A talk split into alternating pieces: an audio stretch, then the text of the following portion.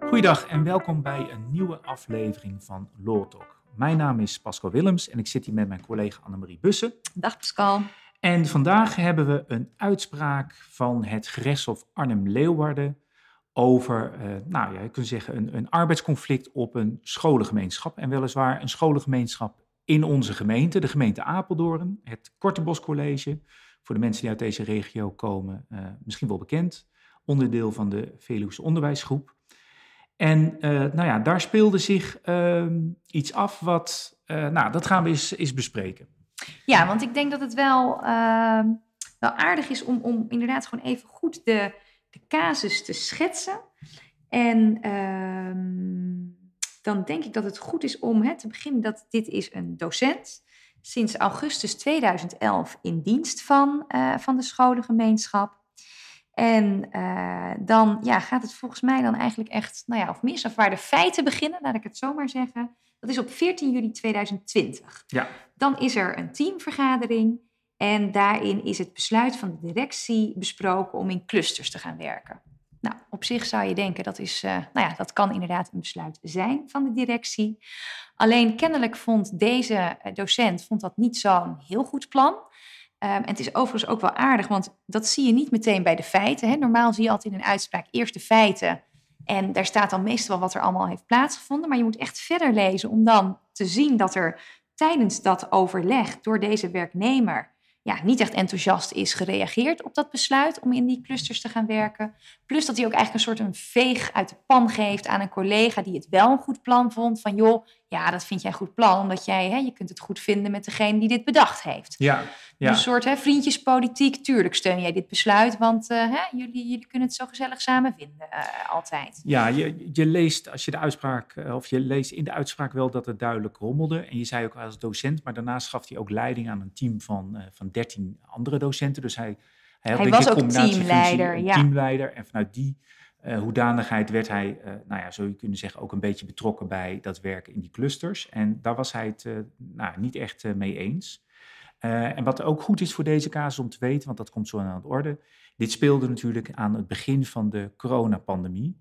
Scholen waren, denk ik, op dat moment net gesloten. Hè. Die gingen, geloof ik, in april gingen die dicht. Um, ja, in, maart. maart. in maart. Ja, en toen volgens mij ging dit langzaam open, toen na de meivakantie inderdaad. Ja, en, uh, en dat is wel van belang voor deze zaak, althans dat vindt het Hof uiteindelijk, waar deze uitspraak over gaat.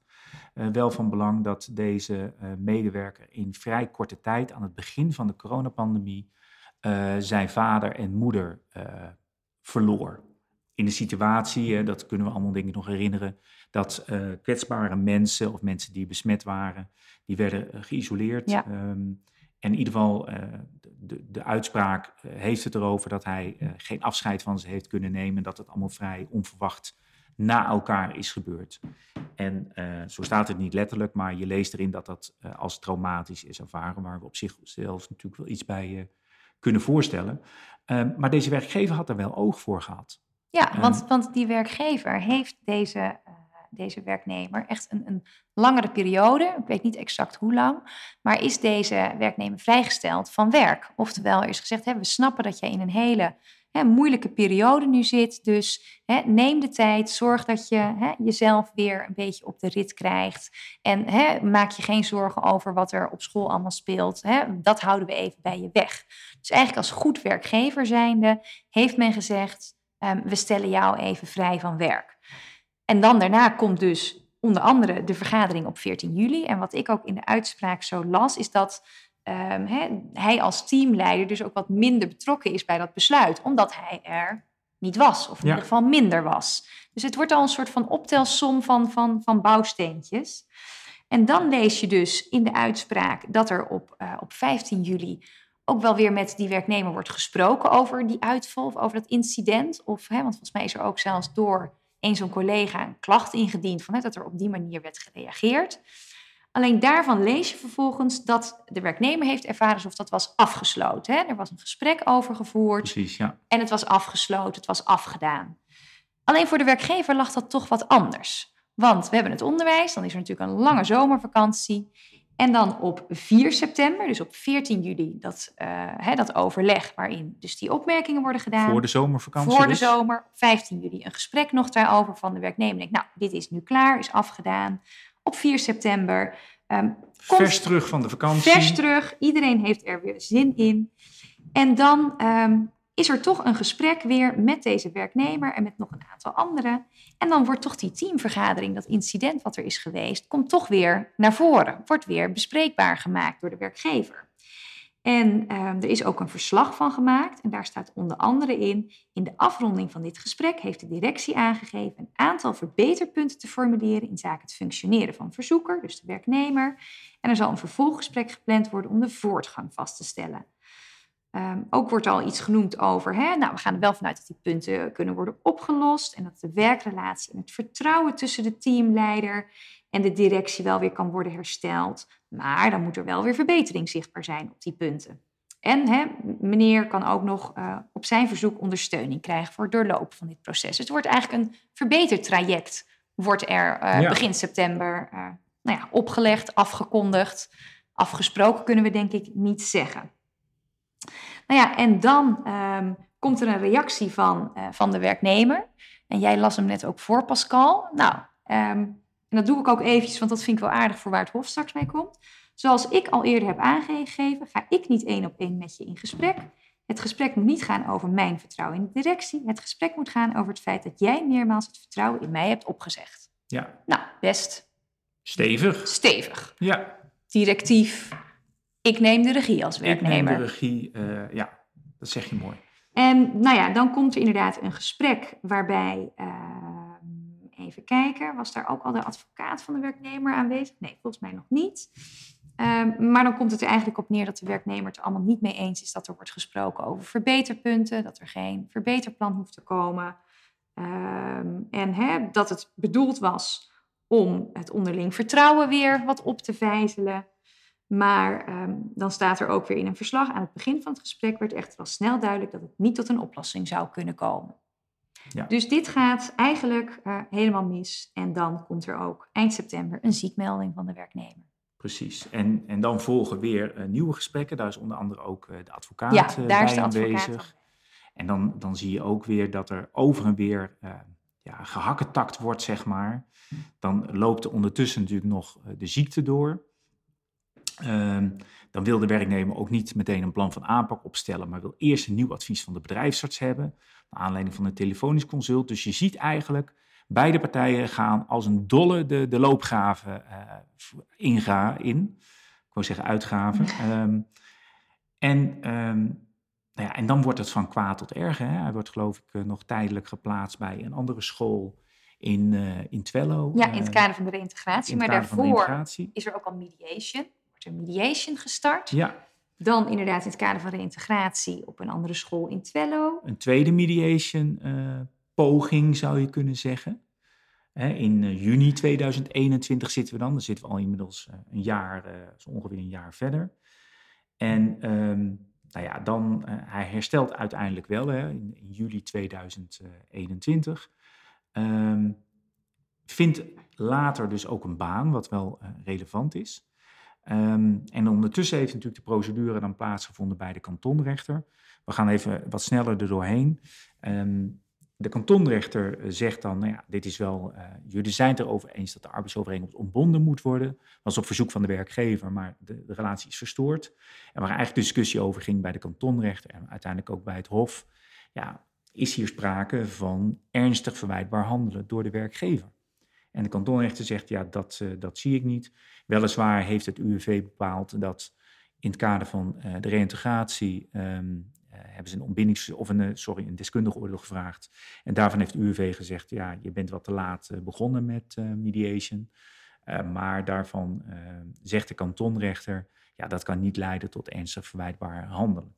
Nee, want hè, eigenlijk is ook wel de, nou ja, de vaste lijn in de jurisprudentie dat hè, er wordt verwezen naar de Hoge Raad. Die heeft gezegd van ja, dat ernstig verwijtbaar handelen, dat is echt een hele hoge lat.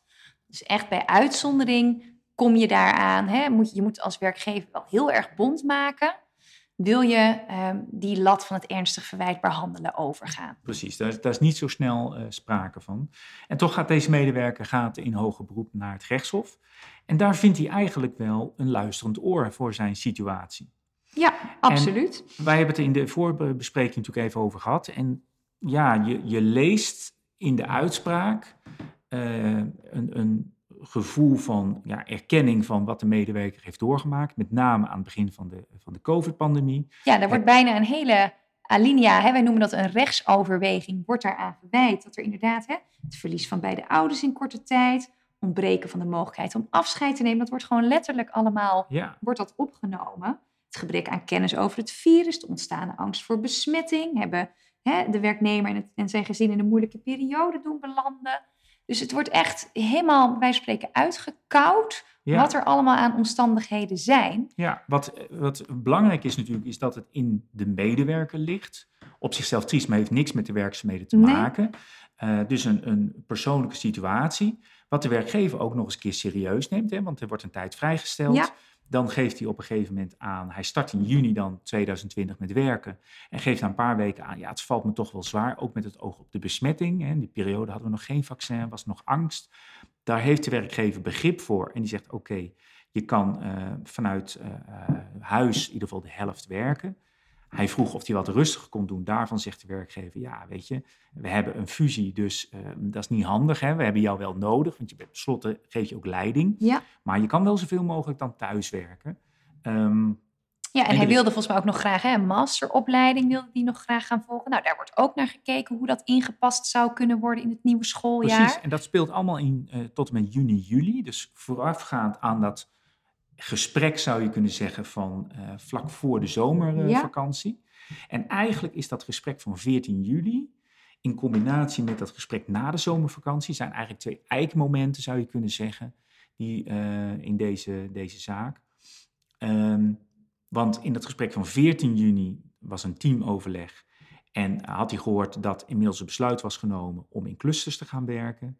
Uh, wat we net al even hebben gehad. En de combinatie van dat gesprek en het gesprek daarna, ja, dat ja, lijkt het Hof heel zwaar te wegen in combinatie met de, de vervelende persoonlijke omstandigheden.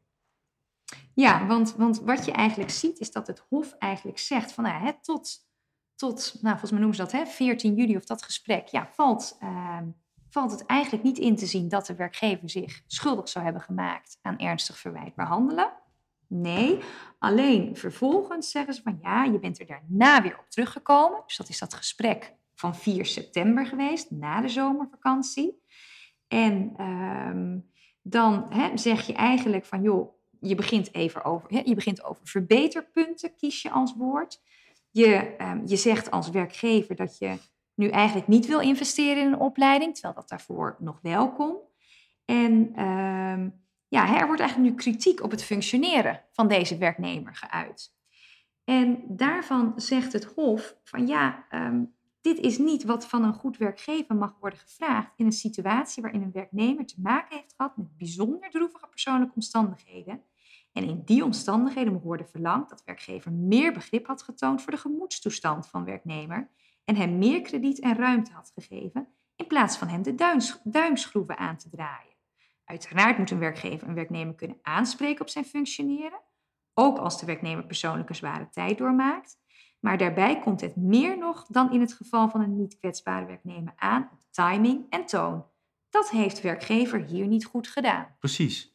Dus ze, ze hebben het heel lang goed gedaan en dan komt het moment dat ze hem gaan aanspreken, misschien wat onverwacht op zijn functioneren. En daarvan zegt het Hof, ja, dat, nou, dat heb je dus Qua timing en toon. Qua Ze zeggen niet eens schofterig, onfatsoenlijk. Uh, nee, maar qua timing en toon. En nou ja, wij hadden het er al over. Ik vind dit best wel ver gaan. Als je ziet hoe um, de werkgever juist heeft geprobeerd in te spelen op die persoonlijke situatie.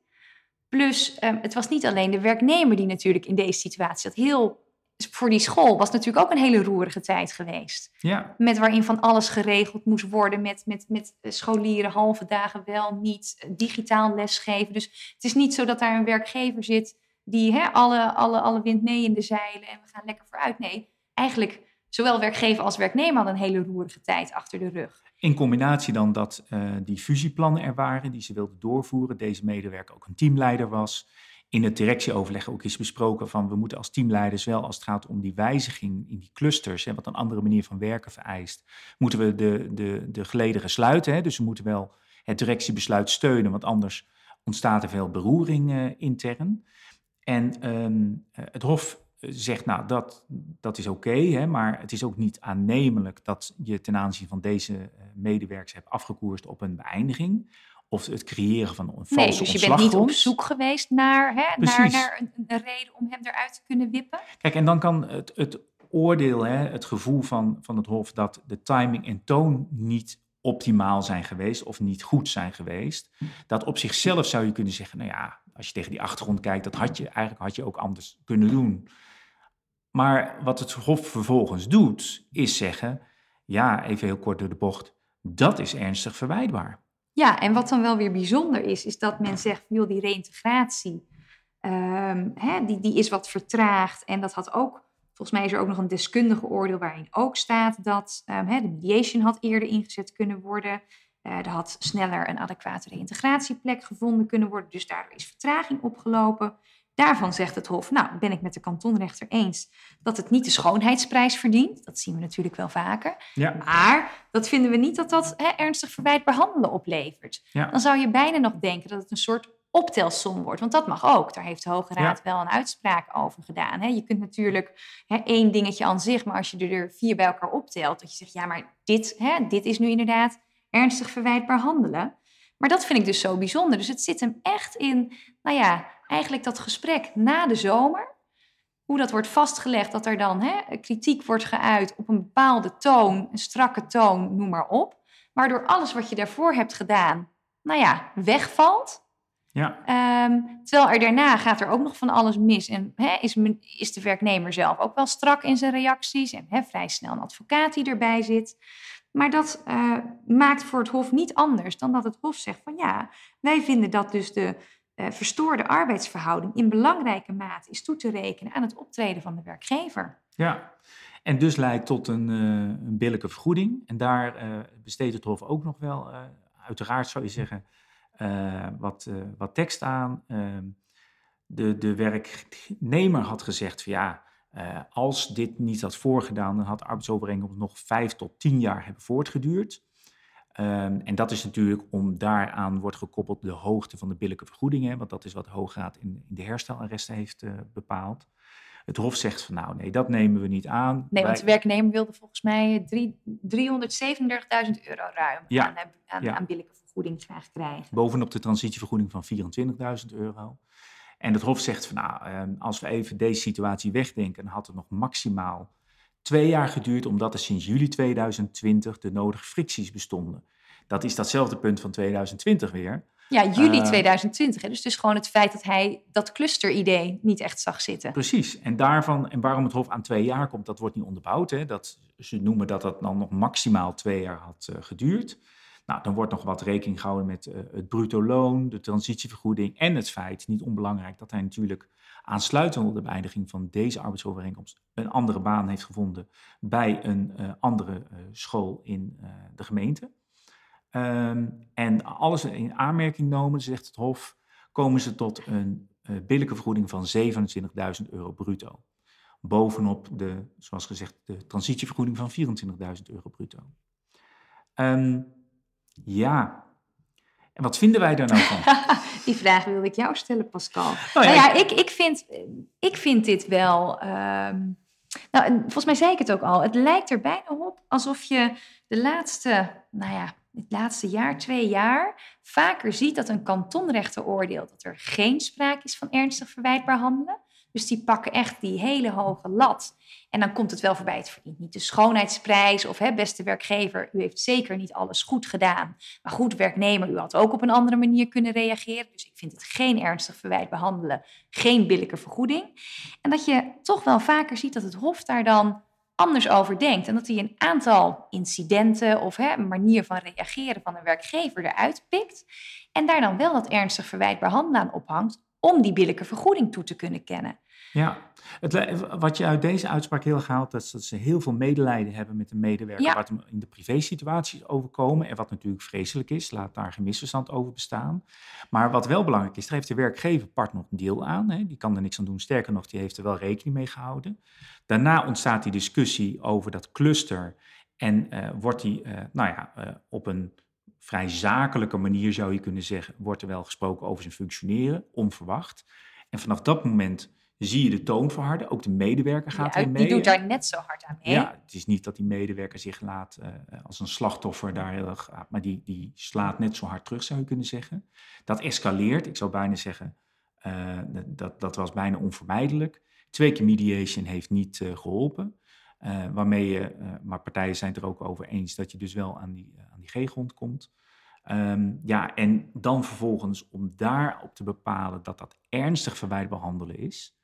Ja, ik ben het wel met je eens. Ik vind, als je dit afzet tegen heel veel andere Ja. casussen, als dit de norm zou zijn in alle gevallen, dan...